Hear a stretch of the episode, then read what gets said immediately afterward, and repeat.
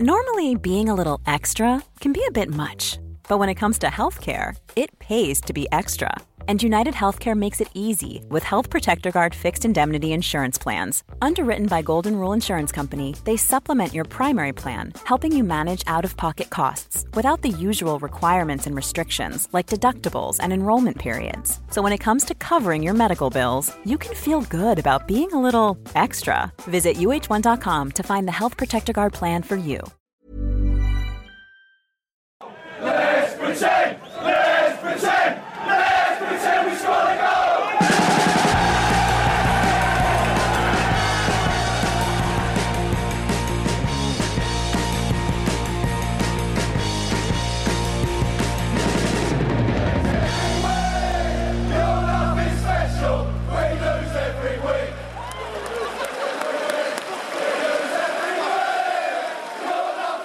Sportbladet Premier League-podd upplever en måndag morgon eh, som det brukar vara, det är, det är fullt kaos. Vi startar om här igen eh, efter att eh, eh, Frida fick ett bud och jag blev uppringd av en eh, däckfirma i Wales som bara ringde upp, skrek mitt namn och la på. Det, det, jag vet inte ens vad vi ska försöka eh, Alltså, alltså jag hörde vet det här, så han känner hittar inte jag- på. Han jag hittar inte på ska sägas. Alltså, Jag hörde genom liksom länk här att det var någon som skrek hej Patrik liksom. Ja det är eh, shoutout till Garth Tire Services eh, som jag nu har googlat på telefonnumret. Eh, ah, det är mycket märkligt här. Men det är måndag morgon och vi försöker kroka i gängorna igen här då. Vi ska prata Premier League. Eh, Frida, det var en eh, sprakande helg. Du var ute på äventyr och framförallt då North London Derby igår eftermiddag. En, eh, en tillställning jag tror vi kommer återvända till fler gånger under den här säsongen. Ja, det kan ju möjligtvis ha varit Mikael Artetas tyngsta seger. I alla fall sen fa Cup-segern, tänker jag. Eller fa Cup-titeln. Det var ja, en otroligt minnesvärd match i alla fall. Både sett ur eh, Tottenham-perspektiv av eh, mindre bra skäl såklart. Men framförallt då ur Arsenal-synvinkel. Att det var en sån, eh, ja men alltså en, en riktigt stabil och överraskande säker seger ändå. Och eh, stämningen på Demirates Emirates var alltså helt ofattbart bra. Det var nog länge sedan det var en sån god stämning där inne och det är inte så konstigt för att det har ju, har ju gått lite si sådär eh, ett bra tag nu. Men någonting som jag lade märke till, alltså redan innan matchen hade dragit igång och Mikael Arteta skulle göra sin sån här införintervju med Sky och så kom han ut då för att de gör ju fortfarande de här intervjuerna precis vid planen på grund av covid-skäl så att de går alltså inte in i spelartunneln som de brukar. Men när han kliver ut där så får han ett sånt otroligt bemötande av de åskådarna som hade hunnit ta sig in då på Emirates redan. Och, och redan där man såg att han nästan blev lite tagen, alltså lite rörd av hur de verkligen stod bakom honom. Och att det sedan följdes upp av en seger så här där det kanske ändå var mest alltså tonårsduon i Bukayo Saka och Emil Smith Rowe, det är ju på något sätt de som får symbolisera den här segern. Så nej, det var en, det var en otroligt bra dag för Arsenal. På samma sätt som det var en katastrofal dag för Tottenham. Inklusive då Harry Kane som ja, men gör den här, har ju den här sekvensen, alltså allt gick ju emot honom i den här matchen. Så mycket kan man ju säga. Men så har han ju den här sekvensen också vid Bukayo Sakas mål där det först är Harry Kane som tappar, egen, som tappar bollen i eh, offensivt straffområde. Och så vänder spelet och han löper ju hemåt. Och det är ju ett eh, fantastiskt grovarbete. Men problemet är att hans glidtackning på Bukayo Saka gör ju nästan saken ännu värre och sen så gör han mål och så står Arsenal på 2-0 var det va? Eller var det 3-0 till och med, Bukayo Sakas mål? Det är så många mål så att man, man kan inte ens hålla rätt på dem i huvudet. Så att det var ju en, en bedrövlig en bedrövlig insats av hela Tottenham, hela mittfältet. Jag, jag vet inte ens om det existerade under första halvlek. Det fanns så mycket ytor för Arsenal att jobba på. Och det är ju lite det där också att ska man köra med den här taktiken som Nuno uppenbarligen hade bestämt sig för, att man slår en massa långbollar från backlinjen upp till sista tredjedelen och hoppas att Kane eller Son eller någon annan spelare vinner dem. Ja men då behöver man vinna dem, men det gjorde de ju inte. Alltså Arsenal sög ju in varenda boll och sen så vände de spelet, kastade fram all off offensiv kraft de har då går det, då går det så här. Så att, eh, ja, ett felbalanserat lag från Nunos sida. Han eh, ville inte bedöma sina spelare inför journalisterna efter matchen, men eh, ansåg ju att han hade fattat fel beslut. Men ja, nu är det han som är satt under press och inte Arteta, bara en sån sak. Alltså det är ju fascinerande hur det är från det här läget när Tottenham ledde serien och Arsenal låg sist. Vad som har hänt de tre matcherna efter. Att Arsenal vinner tre raka, Tottenham torskar tre raka den här matchen nu. Och att Arsenal då spatserar förbi Tottenham i tabellen också. Och gör det på ett alltså, sånt dominant sätt som de gör i den här matchen. Man är ju otroligt imponerad över hur de har liksom stött tillbaka och liksom farten, 2-0 målet. Den, den liksom farten i det här anfallet och hur liksom enkelt och allting bara går som på liksom ett snöre. Ja, det, det måste vara en av, det är utan tvekan den största segern för Arteta sedan han tog över skulle jag vilja säga nästan faktiskt. För att det här var verkligen Ja, någonting det- som så. tro. Ja men visst är det så. Ehm, det, finns så det finns så många saker i den här matchen om man, eh, som Arsenal-supporter så, så kunde den på något sätt inte eh, varit bättre. Dels överkörningen i första halvlek, alltså den totala spelmässiga dominansen. Att första målet är Bukayo Saka eh, till Smith Road, liksom tonåringarna som är liksom klubbens framtid. Det är de, De är ju inte, som... det, det värsta är att de är ju inte riktigt tonåringar Nej, men längre. de- Det är det, det men man fortsätter säga Ja, det. de är, Saka har väl precis fyllt 20 typ förra veckan Ja, eller jag något tror. Emil Smith Rowe är väl 21 vid det här De, laget. de kommer vara tonåringar när de är 26-27 också. Ja, Det är Jesse Lingard all over again. Eh, Men det är liksom på något sätt klubbens egna produkter, klubbens framtid som gör det första målet och det är eh, ett Tottenham på hälarna förstås. Det är ju, det är ju ett riktigt svagt försvarsspel även om eh, målet är, är vackert. Um, Ramsdale kliver fram som ett väldigt ifrågasatt nyförvärv, gör en matchavgörande räddning som är helt uh, fantastisk och är väldigt bra. Jag skulle prata lite mer om Ramsdale uh, strax här. Ja, det, det är väl den här uh, passningen, alltså där Xhaka får liksom kliva upp i, i Lukas hälar och där det blir en spelvändning och, och då när de, när Arsenal utökar ledningen. Det var väl egentligen den situationen där han kanske var lite tveksam. Det man gillar med Ramsdale annars det är ju att direkt efter matchen så, så var han ju förbannad på att han inte fick hålla nollan. Och det är, ju, det är ju precis den inställningen som Arsenal behöver. Så att det, där märker man att det har han verkligen bidragit med sig när han kom in. Så att han har ju varit en, en positiv överraskning får man ju ändå säga. För att det var ju ändå en liten ifrågasatt värvning på så vis att han men- kostade ganska mycket pengar. Och, Ja, men han kostat mycket pengar, han har inte sett, inte liksom infriat de där eh, förhoppningarna som många hade på honom. Han var ju liksom såklart en av, en av ligans mest lovande eh, målvakter, eh, spelade och startade ju liksom i u landslaget och så vidare. Eh, och såg fin ut under en, en period där i Bournemouth tyckte jag. Eh, sen så var det som att det liksom inte blev någonting av det när Sheffield United eh, tog in honom eh, för att ersätta Eh, får se, vem hade de nu innan? Eh, Henderson. Ja, Henderson. Eh, precis, så vart det liksom en, en försämring kändes det som Henderson som hade varit så väldigt bra.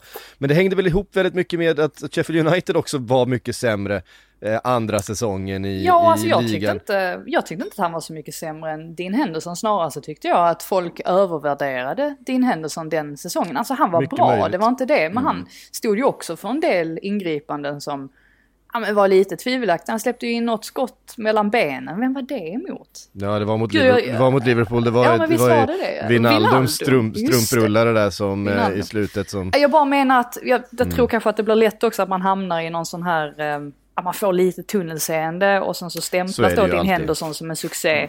Medan Aaron Ramsdale då som släppte in en massa mål eftersom att Sheffield United gick på knäna. Ja men då är han liksom inte sådär jättebra. Men här visar han, har ju ändå visat nu, alltså inledningsvis att han, han har såklart kvalitet och annars hade de inte köpt honom. Ja, nej men, Men det, som, det, som, det som jag har sla, slagits av av Ramsdale de här matcherna han har spelat är att han faktiskt ehm, att han faktiskt besitter de här ledaregenskaperna som man har saknat, som man saknat utav Bernt Leno också, som ju inte känns som. Han är där, han skriker, han ställer krav.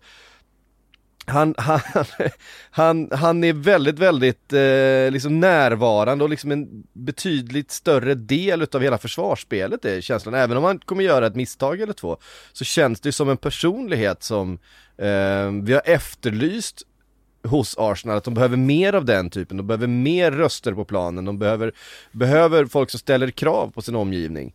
Och det är ju den känslan jag får utav Ramsden och det är inget som jag har lagt märke till i alla fall, det är möjligt att han har haft de här kvaliteterna tidigare, men det är inget jag har lagt märke till i alla fall hos honom tidigare. Men är inte också så att hans status har varit lidande av att han har spelat i lag som åkt ur två säsonger i rad på något sätt?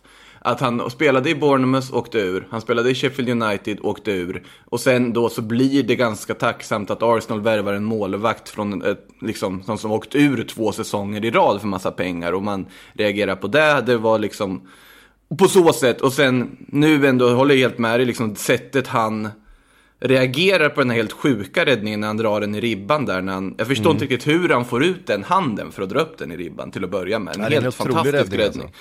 Ja, och det, det han reagerar på det är inte att börja high-five med det är bara att börja skrika på varför låter ni den där spelaren komma till skott där. På sina spelare istället. Mm. Och eh, jag håller helt med i er analys. Det är liksom helt rätt inställning på honom och väldigt lovande start. Det, det finns ju andra saker också som jag tror är viktiga. För att Arsenal ska lyckas vända det här. Nu har de ju det delvis genom den här segern, men för att de ska lyckas liksom hålla i det här nu.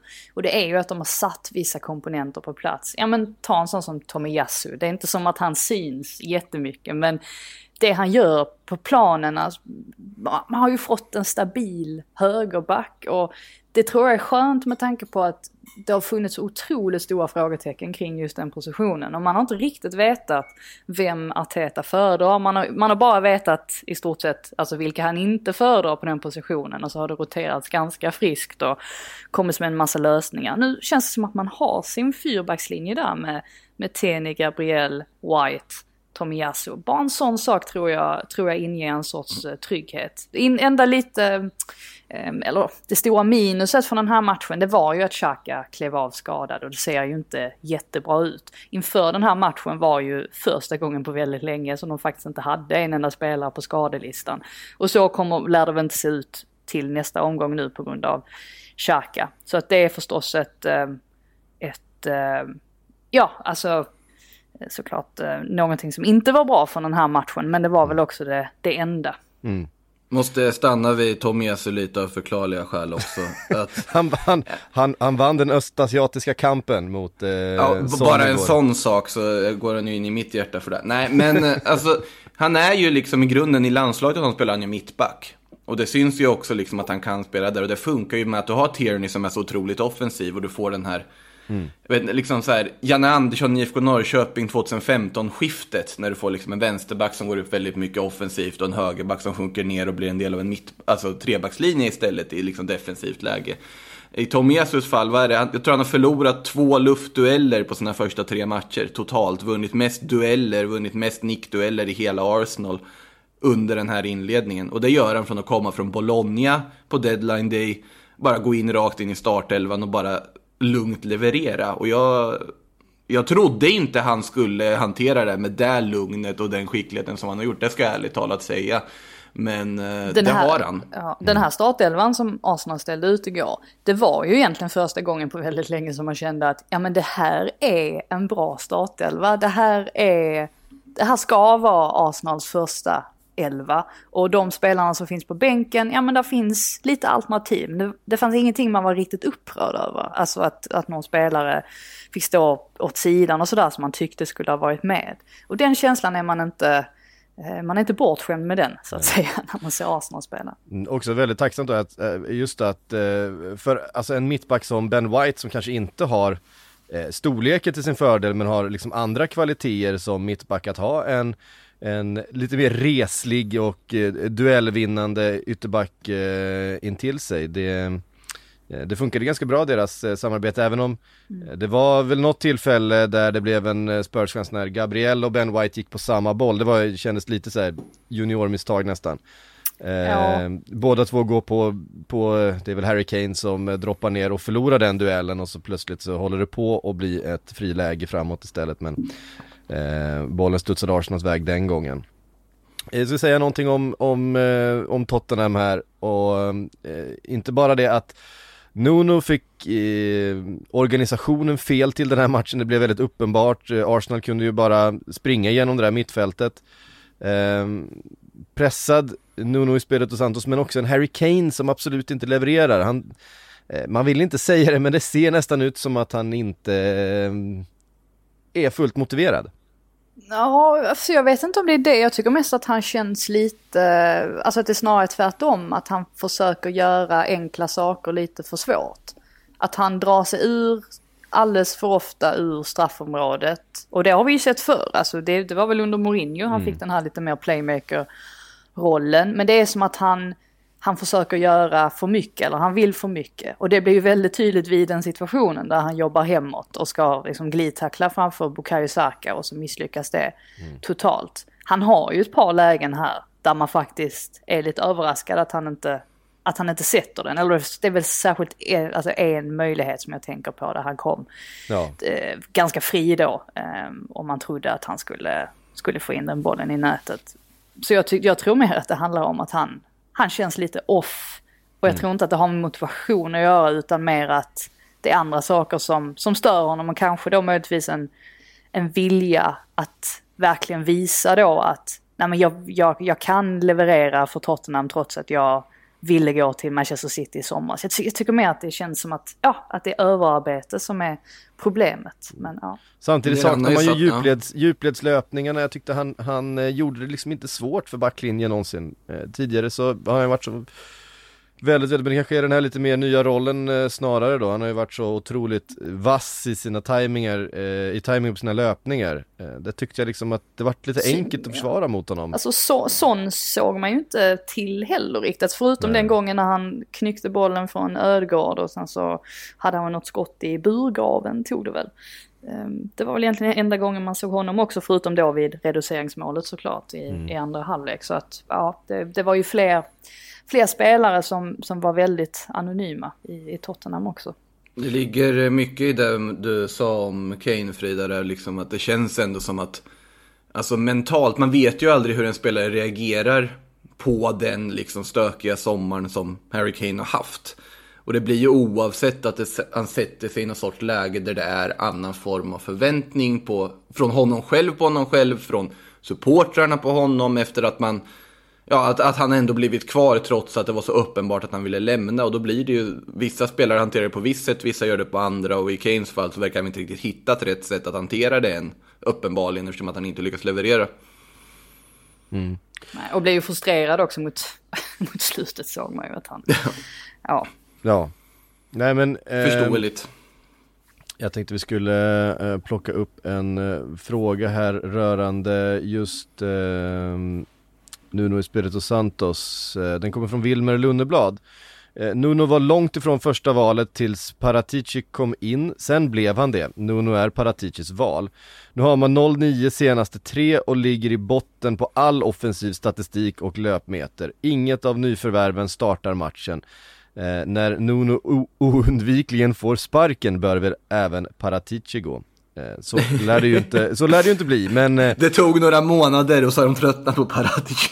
Ja, och sen så, sen så ska man ju, man ska ju faktiskt, får ju säga det också, att Nuno har ju funnits på radarn innan Paratici kom in. Mm. Det fanns ju rykten om Nuno in, alltså redan i januari förra året, eller i år blir det ju. Ehm, Så, så att det där är ju inget, det är inget nytt ändå att, att han har funnits med i diskussionerna. Och sen fanns han ju med i diskussionerna tidigt in ju på sommaren och sen så ville de inte ha honom. Men sen när de inte fick någon annan så fick det bli han till slut. Så att det var väl Fonseca som var närmst där men det var ju någonting som inte ja, föll dem i smaken heller med honom uppenbarligen. Så att de gick på Nuno istället. Men jag håller ju med, alltså det är klart att han borde sitta löst. Och ja, vil- vilka finns på marknaden? Det är väl Conte. Conte är det pratas om nu, både till Manchester United, eller det är den som man tar upp liksom, som möjligtvis skulle kunna gå in både där och i, i Tottenham, även om han såklart också har en spelfilosofi som, ja, alltså det är ju liksom inte Pochettino riktigt. Så att det, ja, vi får, får väl se hur de, hur de gör, men jag tycker det är lite oroväckande ändå när det känns som att spelare kanske inte riktigt spelar för Nuno eller alltså för tränaren. Eh, Och, och jag tyckte inte att Spurs-spelarna gjorde det igår. Jag säger inte att Fonseca hade varit rätt val, men det är intressant där. Jag gick väl ut och sa det, att jag spelade för offensiv fotboll för att Tottenham skulle vilja ha mig i slutändan. Är det inte liksom offensiv fotboll som borde vara där Tottenham på något sätt Jo. vill spela? också. Jag tänker, ja, kan- kanske en farhåga också att det skulle bli lite för naivt att Ja, de flesta tränarna det- säger ju det, Premier League är en liten annorlunda liga eh, på så vis. Alltså Vi ska spela underhållande fotboll säger man och har någon vision och idé och kommer dit. Jag tror ju på så där, Fonseca tror inte jag hade blivit lyckat ändå ska sägas. Men det är också intressant när man väljer liksom hans antites på något sätt Mm. i slutändan. Vi bara kommentera eh, Thierry Henrys och hans eh, eh, granne på läktaren där. Ja, vad mysigt de såg ut att ha det. Ja, de så, de så har det ut att ha det jättetrevligt.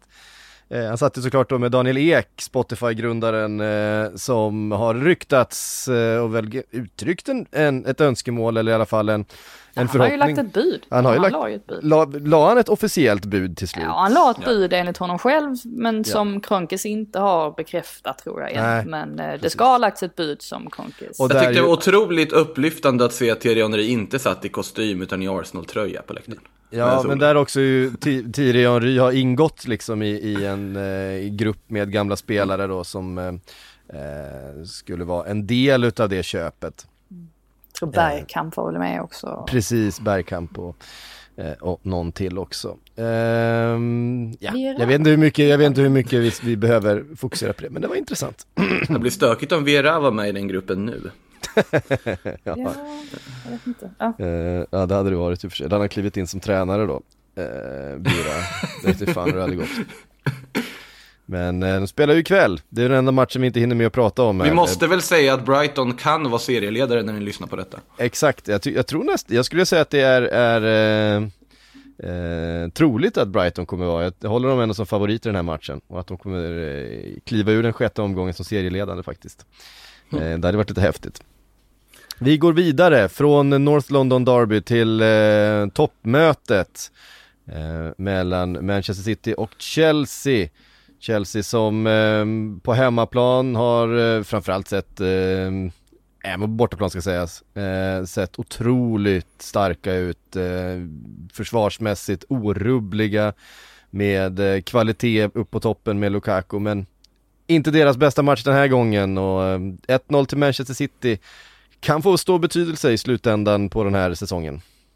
Jag har inte spelat sådär jättebra egentligen de senaste matcherna med starter från mötet med Aston Villa där de ju ändå vinner med 3-0 men det var ju inte riktigt en, en 3-0-seger. Um, ehm, sett till alltså deras insats då.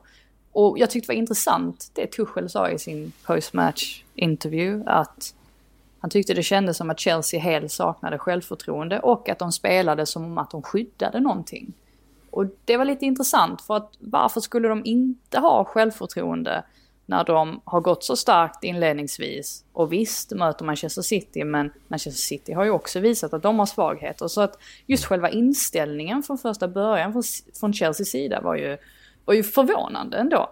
Samtidigt som City då står för ett helt fenomenalt pressspel och gör det, eller alltså fullföljer det pressspelet från minut 1 till minut 90. Och det gör ju också att Chelsea får ju inte en lugn stund på hela matchen, alltså på bollen. Och lyckas ju sällan komma ur de situationerna när det kommer folk från alla håll och kanter. Så att jag skulle vilja säga att det här var en, en väldigt, väldigt väl genomförd match för Manchester City när de är på sin absoluta toppnivå, när de verkligen följer instruktionerna till punkt och pricka. Samtidigt då som, som Chelsea ja, underpresterar och inte verkade ha huvudena med sig den här gången. Nej, noterar... Första gången under Tuchel som de inte får till ett enda skott på mål, alltså bara en sån sak. Ja det är fascinerande faktiskt hur de eh, blev så nedstängda verkligen utav Manchester City. Vi noterar också att en, eh, ett litet inslag av Pep Roulette inför det här. Han har ju varit, han har ju varit ganska, ganska eh, konsekvent med sina laguttagningar i början på den här, spelat med samma startelva i, i stort sett. Här såg vi en liten rotation eh, en fronttrio med Gabriel Jesus, Jack Grealish som, ja, och Phil Foden, ingen, eh, ja alltså Jesus är ju striken där så att säga men, men eh, en väldigt typisk pepsk eh, fronttrio ändå får man säga. Alltså Ja. det, det är ju, vad heter det, Gabriel Jesus eh, renässans som han har fått här ändå. Som när han har fått gå ut och spela på kanten som tydligen ska vara hans bästa position. Vilket väl han också visar att han är, gör väldigt mycket nytta från. Det känns som att han är väl den som stärkt sina aktier mest sett till liksom hur aktierna låg inför säsongen om man tittar bara på säsongsinledningen i offensiven i alla fall. Ja, och det är ju också, alltså det är ett väldigt skickligt mål också. Alltså det är väldigt Mm. trängt läge där. Och att han ändå får iväg Verkligen. ett, ett avslut. Så att, eh, nej, som sagt, Chelsea, eller Man City visade verkligen att man inte kan räkna bort dem riktigt än. Även om de nollas mot Southampton och förlorar premiären mot Tottenham och sådär. De, de, har, de har S i rockärmen så att säga. Eh, Det får man säga. Nej, jag tror, jag tror att det är väldigt dumt att räkna bort City någonsin. Vi såg dem eh, öppna lite, lite sådär trevande förra säsongen också för att sen mer eller mindre jogga hem ligan. Ja, en liten shoutout också till Cancelo som jag tyckte, ja, alltså han, han hade ju roligt om man säger så. Och eh, samarbetade ju väldigt väl med Grealish också. Eh, tyckte att han var, eh, han var superb. Samma sak med Rodri också. Som eh, också hade en, en, eh, en rolig eftermiddag på jobbet. Mm. Ja, och det är som sagt eh, tre tappade poäng på hemmaplan, eller åtminstone en då för, för Chelsea. Det, det är sånt som kan komma att kosta de här toppmatcherna. Vi, det ser ju nästan ut som att, man säger topplagen, eh, inte kommer tappa speciellt många poäng mot den nedre halvan.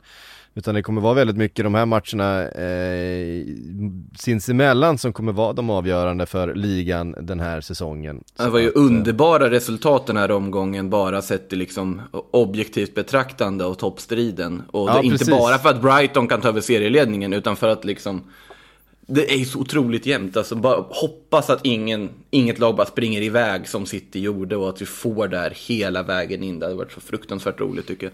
Ja precis, för det, det är den känslan man har haft men så är det ju, så är det ju en omgång där vi ändå får, eh, får känna på att det finns, det finns mer liv i den här ligan än bara en, en frontfyra som ska eh, jogga hem alla poäng. Vi tar oss till Manchester Old Trafford Frida, där du var på plats och fick se, Ja.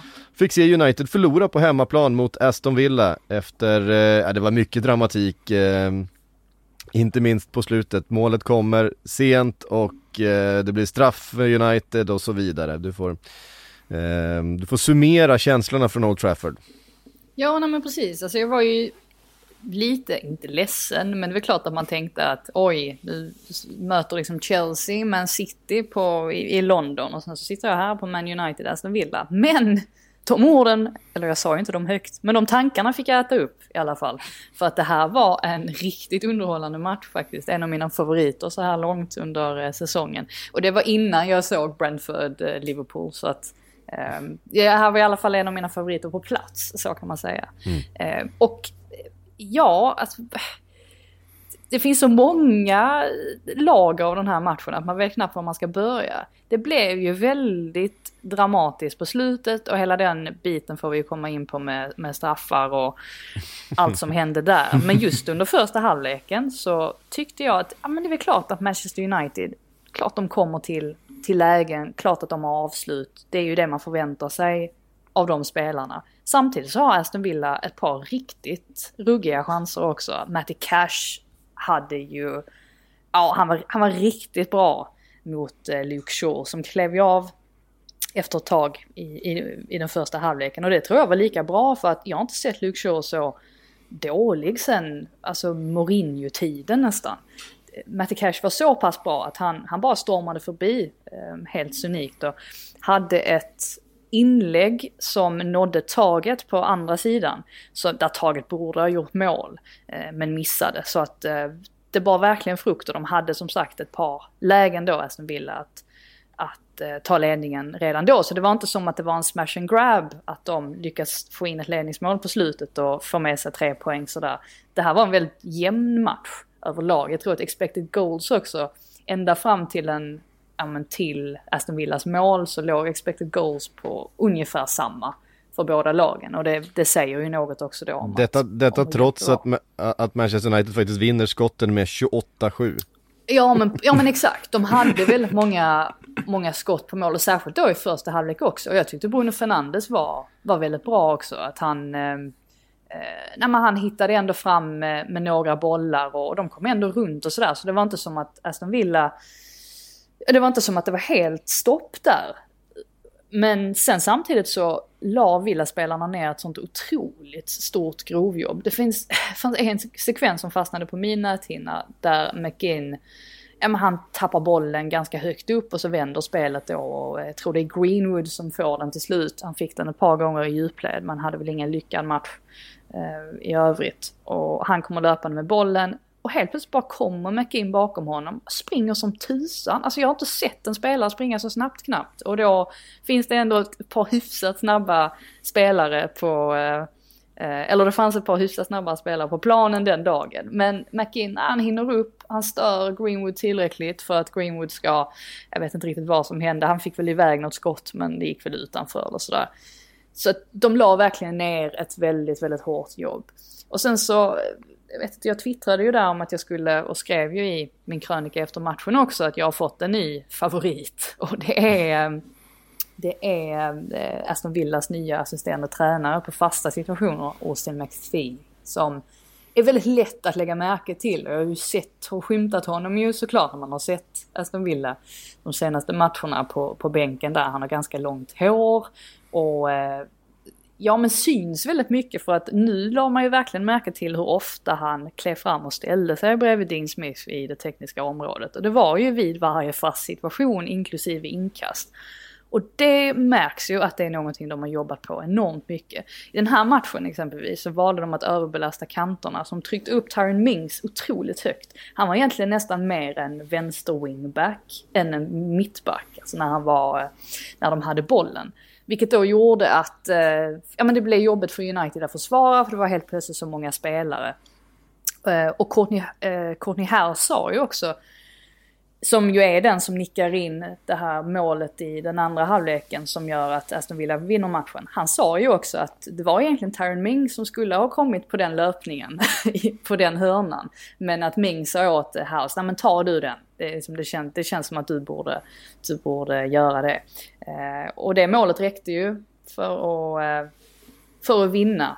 Och eh, trots då att de fick en, en straff emot sig. Så att nu ska jag ta en paus så kan vi komma in på, om någon annan har någonting att säga, så kan vi komma in på eh, hela Fernandes-haveriet också. Alltså, förutom det otroligt roliga att det var just Target som inte var en Target, så måste man ju säga att alltså, Emi Martinez, alltså sättet jag, jag satt det här innan då och liksom bara blickade tillbaka till den här Copa America-straffläggningen när Emi Martinez sitter och tokpsykar colombianer i den straffläggningen och säger allt möjligt till dem, till Jeremina och vem det nu var han skulle slå straffar. Han står och pratar med dem konstant under hela, du kommer missa, jag vet var du ska slå och så vidare och så vidare. Sättet han hanterar den här Ronaldo Fernandes Alltså diskussionen som ändå på något sätt dyker upp inför då den här sena United-straffen när då tydligen Bruno Fernandes ska ha fått liksom förtroendet från Solskjaer inför att du är fortfarande första straffskytt. Ja, han bestämmer ju, Solskjaer bestämmer ju inför varje enskild mm. match. Ja, varje enskild match, ja. ja. Och i det här fallet var det ju då Bruno. Och det är ju, det är ju, säger ju jätteintressant, men då att Emi Martinez springer fram till Cristiano Ronaldo och säger du borde ta den lägger in det här lilla liksom fröet på något sätt. Sen går in Bruno Fernandes som vanligtvis aldrig missar straffar. Naturligtvis perfekt för dramaturgin, dundrar en 25 meter över. Och det är ju inte, det är ju inte ens att han säger, det är inte ens att han säger du borde ta den, utan det är ju mer så här, nej, det är klart att du ska ta den. Alltså att det blir på det sättet. Så det är väl klart att, eller klart är det ju inte, men det märks ju väldigt tydligt att Fernandes blir ytterst påverkad av detta. Det ska ju sägas att han hade ju satt, liksom, ett facit på 22 mm av 23 straffar. Så det är ju inte jättekonstigt egentligen att han lägger den här straffen. Och hade han inte missat så hade väl ingen någonsin ifrågasatt att det inte var Cristiano Ronaldo som klev fram. Men uppenbarligen så, så psykade ju Martinez honom. Och det, det så, ser man ju också efteråt när, när Mings går fram till, till Martinez och eh, håller om honom och så pekar ju Mings på sitt huvud så här med pekfingret. Som att herregud, du, du, eh, du lyckades verkligen eh, psyka honom totalt. Så att, det var ju inte kul för Fernandes såklart. Det, men där får jag ändå säga att publiken på Old Trafford är oftast väldigt, väldigt bra. Och när han klev av så sjöng de ju hans namn. Eh, det, det, är ju klart att sånt där händer. Mm. Eh, mm. Det, det som var alltså, extra speciellt i just det här fallet är ju att straffen är så otroligt bedrövlig. Och att den är så otroligt högt över. Så det var ju inte enbart det att det var en dålig straff, det var ju en, en, en straff som aldrig någonsin hade kunnat gå i mål. Ja, men, alltså, men det är intressant, så även om Fernandes såklart fortfarande har jättehöga aktier hos fansen och sånt där, det där faktum att Ronaldo Alltså han, Ronaldo är inte van vid att inte få slå straffar. Och Bruno Fernandes vet vi ju alla uppskattar också att ta straffar. Det är en ganska intressant, intressant eventuell konflikt som Ole Gunnar Solskjaer ändå fått på sitt bord. Liksom, som han måste på något sätt hantera. Och den är helt omöjlig att göra rätt Ja, jag, med. Liksom. Men jag tror inte att det är någon, nu är det inget problem längre. Nu blir det Cristiano Ronaldo nästa gång, antagligen. Eh, Alltså det, det är väl så. eh, Det kan väl vi nog man räkna med, oftast- Ja. Och, och eh, Cristiano, när han lämnade plan, jag, jag kan tänka mig att det här är ju lite speciellt också eftersom att Fernandes är hans landsman. Och de har ju en viss hierarki i det portugisiska landslaget där Cristiano Ronaldo är så mycket högre än alla andra. Inklusive då Fernandes som dessutom inte hade något speciellt bra EM och sådär.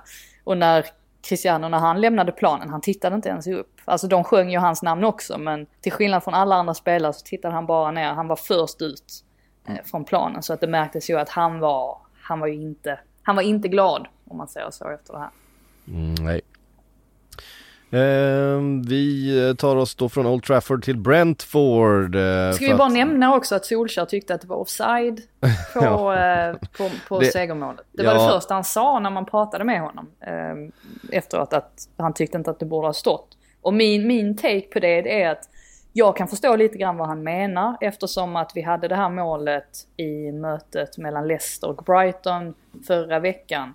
Där Barnes, ja det var egentligen två gånger om, men det var ju särskilt en gång där där Barnes blev avvikad, avvinkad för offside. Och så eh, stod det inte Leicesters mål då. Men grejen är att jag tyckte inte att det målet borde ha vinkats bort. bort. eller dömts Nej. bort. Och jag tycker inte att det här målet borde dömas bort heller. Sen kan jag förstå det här med att man vill ha en viss kontinuitet i domarinsatserna. Men Mm. ja, det, jag tycker inte heller man kan skylla på det. Liksom. Nej, och vi har fått frågor om det också, att eh, Ole Gunnar eh, ofta är väldigt, liksom lite gnällig efter, eh, efter matcher. Det är väl eh, FSG Out eh, som skriver på Twitter där, är eh, Ole Gunnar den mest trä gnälliga tränaren i historien, vill ha straff i varenda match, vill att alla mål de släpper in ska dömas bort och till och med när de får straff med sig och bränner den ska motståndarna ha gult kort för protester. Eh, Ja, han, han väljer ju Men- att prata om det. Jag tyckte att han hade rätt alltså efter matchen mot West Ham. Jag tyckte att Cristiano Ronaldo, han skulle troligtvis ha haft åtminstone en, och jag tror Solskjaer sa, väl- sa väl två straffar. Men jag tyckte väl att Ronaldo skulle ha haft en straff kanske i den Mm. Ja, det- matchen. definitivt. Däremot så, så jag, är det inte lite onödigt att slänga den här kängan mot Klopp?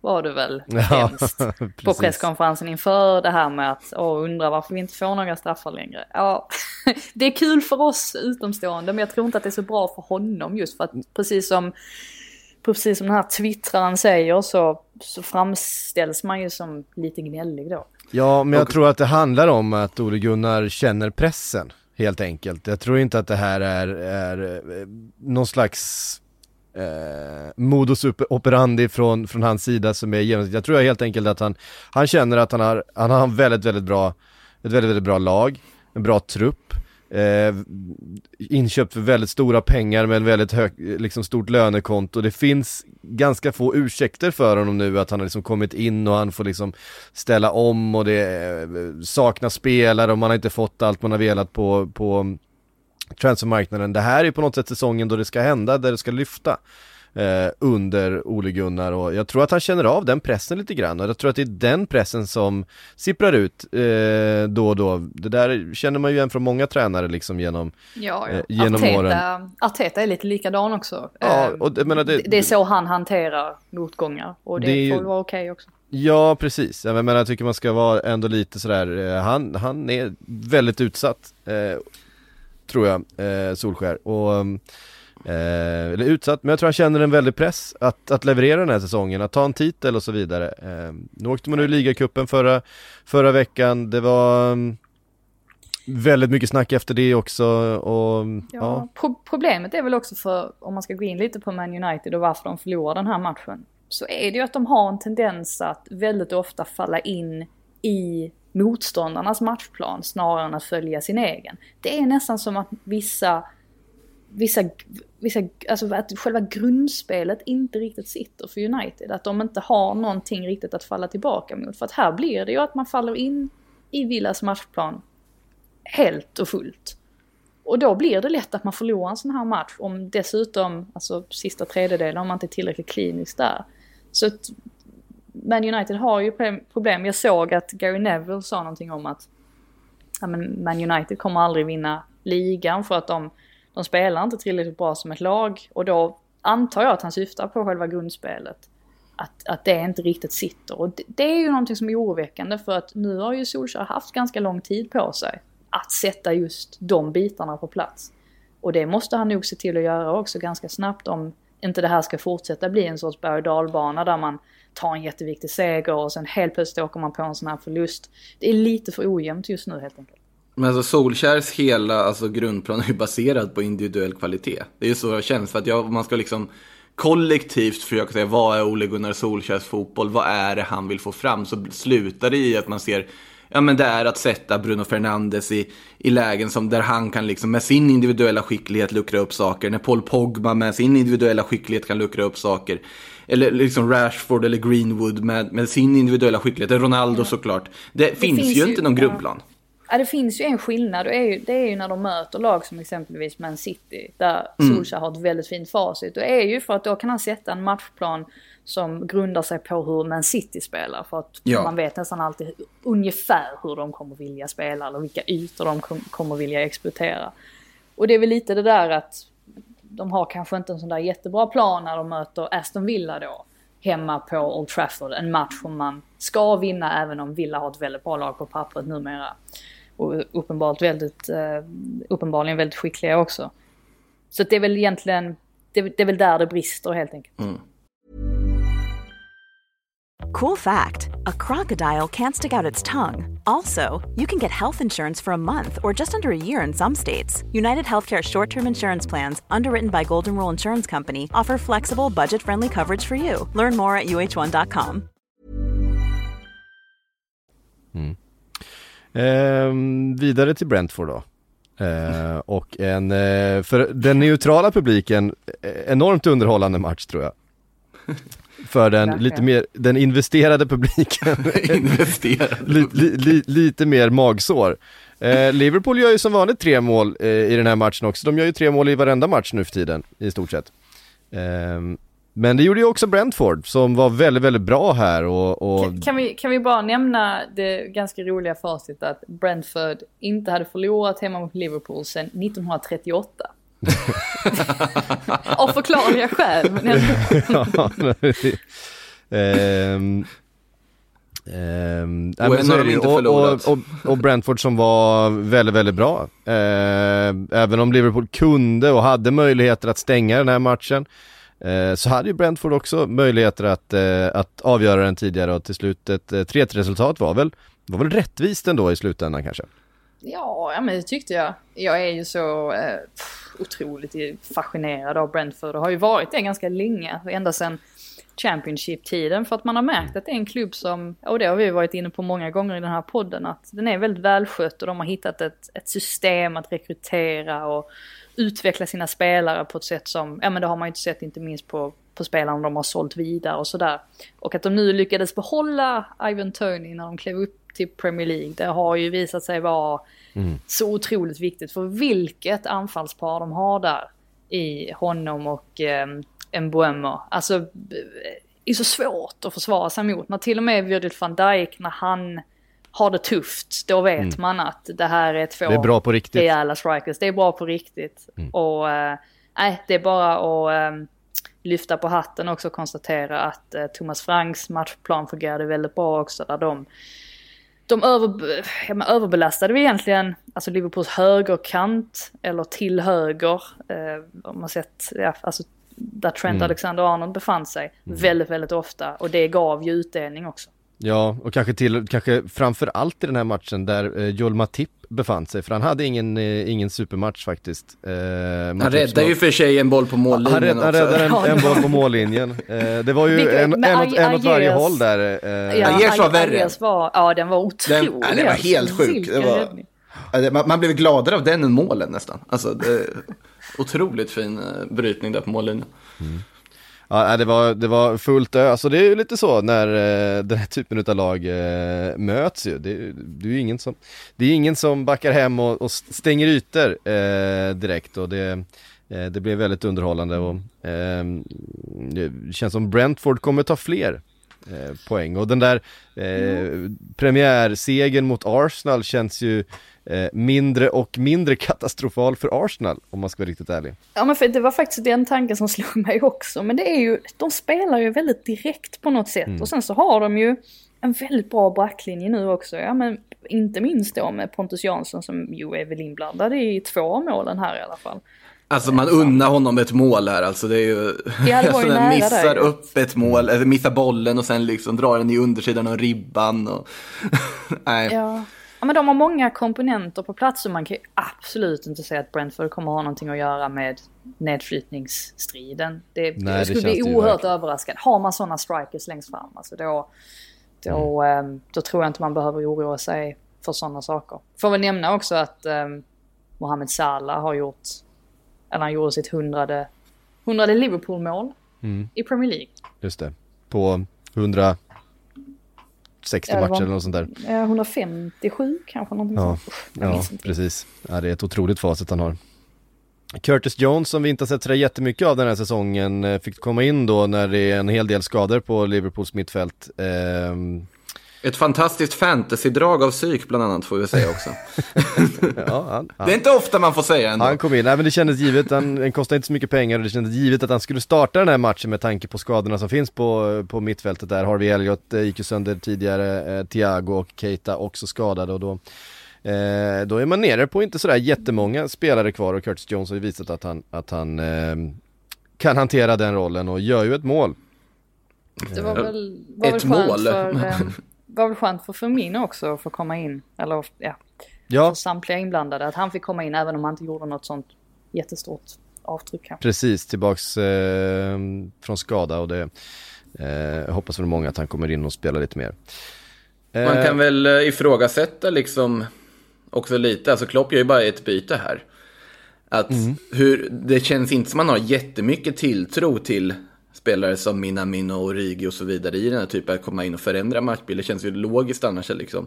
När du får den här kvitteringen mot dig, byta in mer offensiv kraft och liksom flytta upp för att jaga, jaga tre poäng. Men Mm. eh, Nej, det, det har han väl visat att eh, han har väl inte jätteförtroende för varken Minamino eller eh, Origi Mm. eh, i de här, de här matcherna utan han, eh, han låter de eh, startspelarna vara kvar väldigt länge. Vi, vi ska eh, väl eh, säga att Curtis Jones mål inte bara var ett mål. nej, Ja, det var ju... han har ju ett väldigt fint tillslag, han är ju ett hot från distans. Eh, vi minns ju målet mot Everton här för, det är två säsonger sedan va? Eh, när han slog igenom i ligacupen och han curlade in den i bortre krysset med, eh, med högern och eh, så såg vi honom dra från distans förra veckan också med vänstern så att eh, han kan. Det här var ju inte curlat i alla fall. Det var Nej. ju, alltså den bollbanan, man mår ju väldigt bra av att se den. Om Mm. man säger så. Rakt upp i första krysset. Ja, han har ju otroligt fint tillslag alltså. Eh, så det, ja, det ska bli spännande att följa honom eh, framöver för han kommer få en del speltid nu. Eh, så länge det är, vi har de skadorna på mittfältet och Thiago blir väl borta i alla fall till landslagsuppehållet eh, är det sagt och Keita är det ju som det är med, han är ju alltid han spelar tre matcher och sen så är han borta tre och sen så ska det ta ytterligare någon match innan han är i form igen så spelar han tre matcher och går sönder igen. Det är ju så hela hans tid i Liverpool har varit. Eh, så att ehm, Curtis Jones lär vi få se mer av den här säsongen. Eh, Leicester Burnley Leicester har inte kommit igång den här säsongen. Det känns som att det, det fattas en del. Det här var ju eh, Jamie Vardy som eh, först sätter en eget mål och sen sätter två i Burnleys kasse. Jamie Vardy är inblandad i eh, det mesta som hände i den här matchen. Men eh, bara kryss för Leicester hemma mot eh, bottenlaget Burnley. Det är inte tillräckligt bra om man ska utmana de där topp 4 positionerna den här säsongen också. Det känns väl mindre och mindre sannolikt att de kommer göra det Frida. Ja, nej, det ser ju inte så jättebra ut. Jag tror att en del kan väl skyllas på skador också. Just att de har Fofana och Evans borta. Eh, Westergaard och Sujunsu har inte sett sådär jättestabila ut. Hade det jobbigt i den här matchen också. det var lite, eller en av frågorna på presskonferensen efteråt löd eh, någonting i stil med att ah, kan det vara så att Västergård inte är bekväm med att spela i en hög backlinje. Men samtidigt så, och det påpekade Rogers också, att det, det, han har ju spelat i en hög backlinje tidigare, alltså både i Southampton som spelar med en väldigt hög backlinje, Danmark också för den delen. Så att det borde inte vara någonting som, eh, ah, nej, som, som påverkar honom negativt. Men det, uppenbarligen så är det någonting som inte, inte riktigt stämmer där. Så att då spelar det inte någon roll att man har Vardy där fram som fortsätter göra en massa mål om man då släpper in en massa också. Så att, eh, ja, ett viktigt resultat för Burnley som fortfarande inte har någon, seger i Premier League. Men ja, en, en poäng är ju bättre än, än ingenting. Och jag tror även att det var bra för deras, ja men för, för deras tro på att de ska kunna hänga kvar. Att, att de kände att de fick med sig någonting här. Och eh, ja, det var ju en bra debut också för Maxwell Cornet förutom att han då klev av skadad. Eh, men han fick ju göra mål här också så att ja, positivt för, för Burnley och inte riktigt lika positivt för Leicester även om de ju får med sig en poäng här i alla fall. Mm.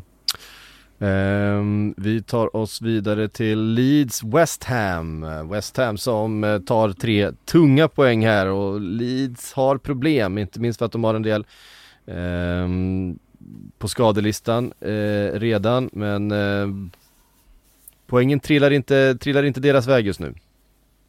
Uh, istället Antonio som, som alltid eh, avgör matcher. Han gör det, i, vad var det, vad, är, det, är det inne på, är vi inne på stopptid när målet kommer eller är det precis på slutet där? Precis fall, innan är det väl. Jag tror men... det är en minut 90 faktiskt som det kommer. Men vi sa mm. ju det förra veckan när, då när han var avstängd att, att hade, hade Antonio spelat mot Man United så är det mycket möjligt att West Ham faktiskt hade vunnit den matchen.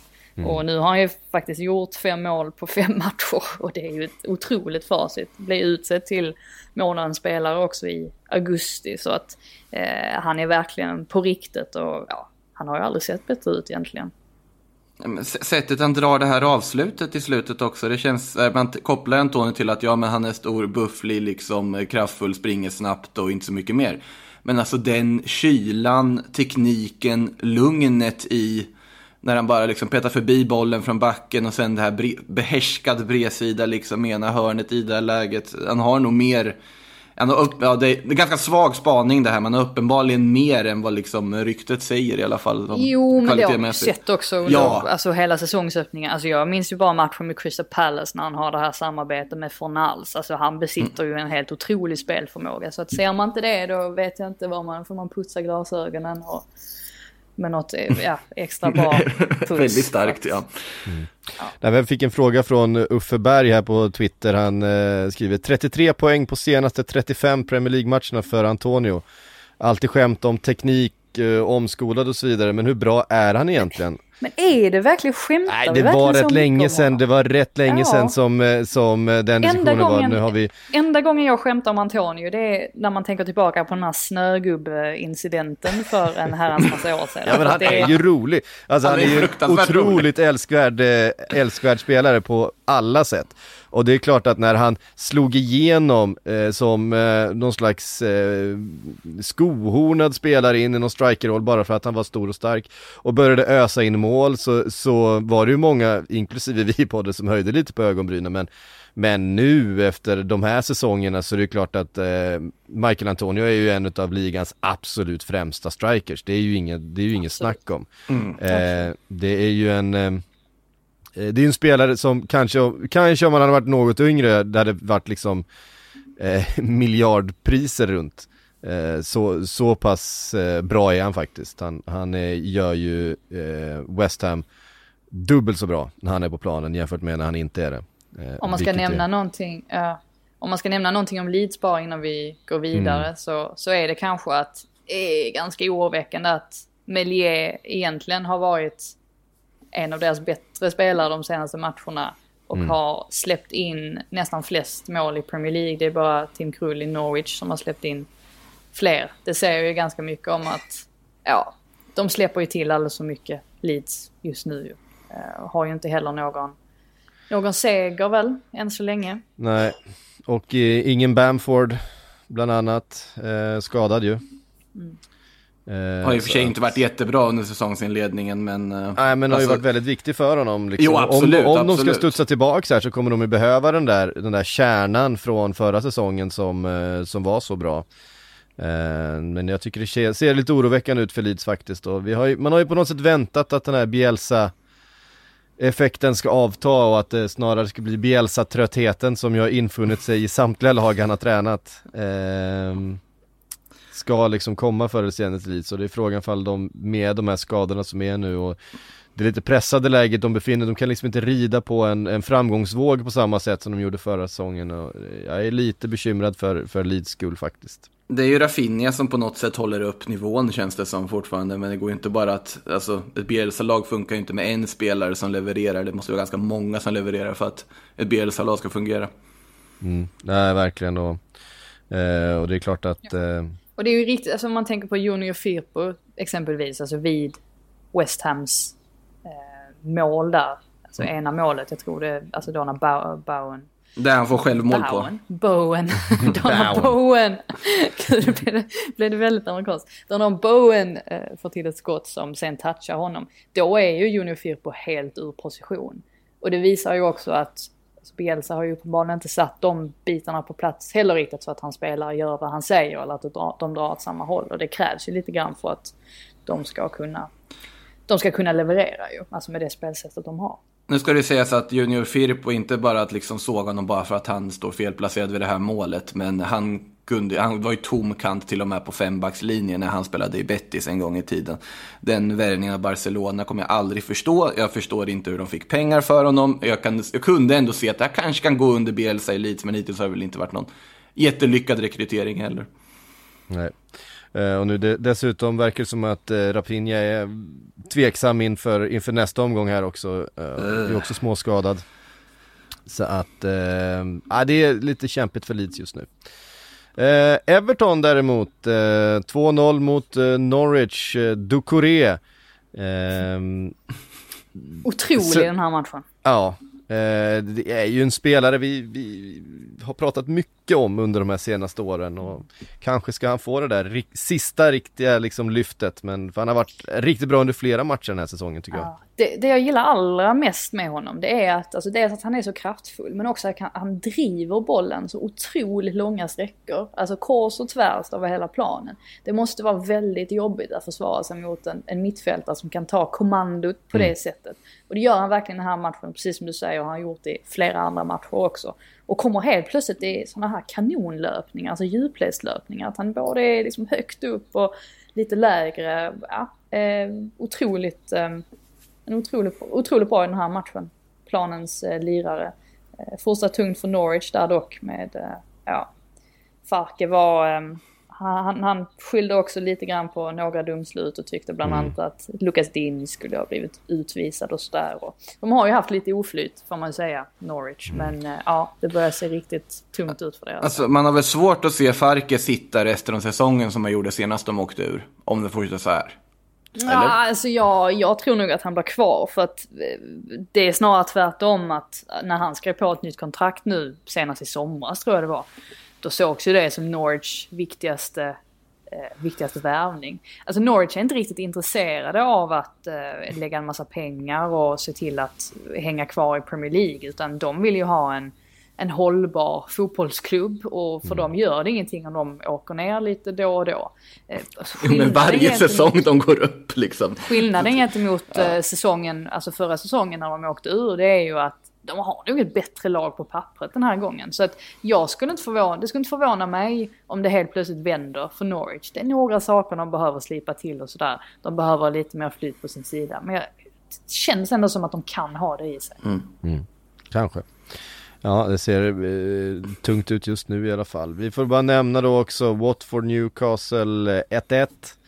Ehm, Newcastle skulle ju ha, de skulle ju ha vunnit den matchen. Det var ju helt otroligt att de inte, att de inte vann den matchen. Eh, Så många lägen där som de slarvar bort. Longstaff, målskytt igen för första gången sen succésäsongen där för, vad blir det, två år sedan. Mm. Eh, men hade ju också en jättemiss. Och jag tror det var, ja men det var nog Saint Maximin som levererade bollen till honom vid den jättemissen. Och senare då, alltså när det var bara några sekunder kvar tror jag av matchen, när eh, Saint Maximin levererar bollen till eh, Jacob Murphy som kommer helt ren med målvakten och alltså jag, Ben Foster är det väl som, som står nu igen.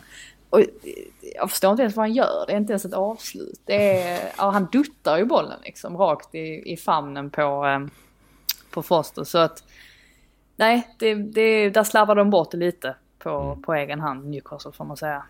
Ja, ja men Saint Maximin är ju eh, annars alltid, alltid sevärd i de här matcherna.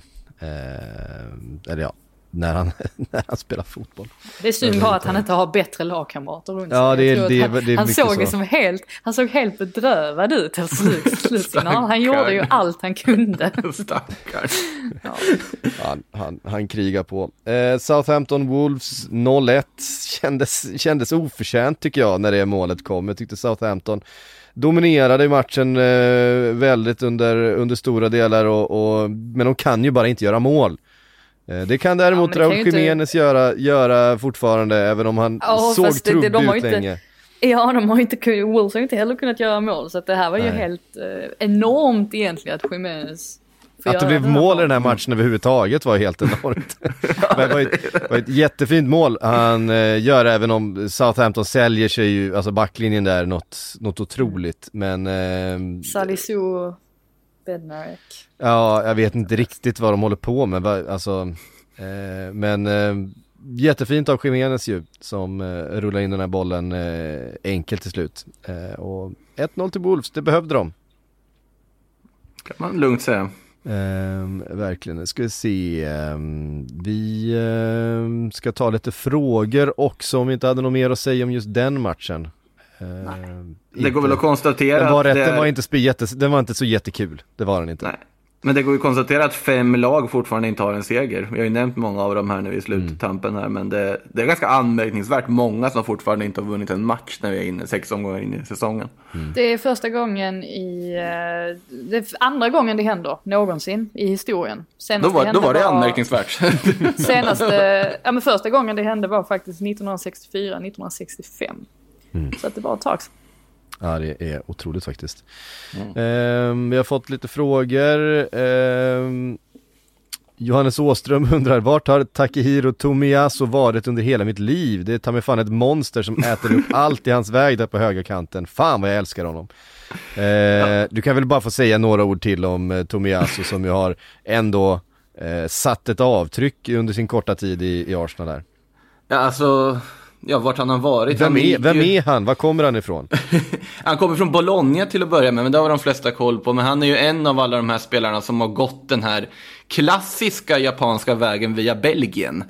Alltså för det finns ett lag som heter Sint Truiden i Belgien som av någon anledning har fått för sig att ha väldigt många japaner i sitt lag och där väldigt många japaner går till. För att därefter sen gå vidare till andra klubbar och så vidare. Jag vet inte exakt hur är, många. är, är det där Brightons Japan också befinner sig? Exakt, det är det. Brightons Japan eh, har hittat dit eh, precis nu. Brightons Brightons Japan, ja precis.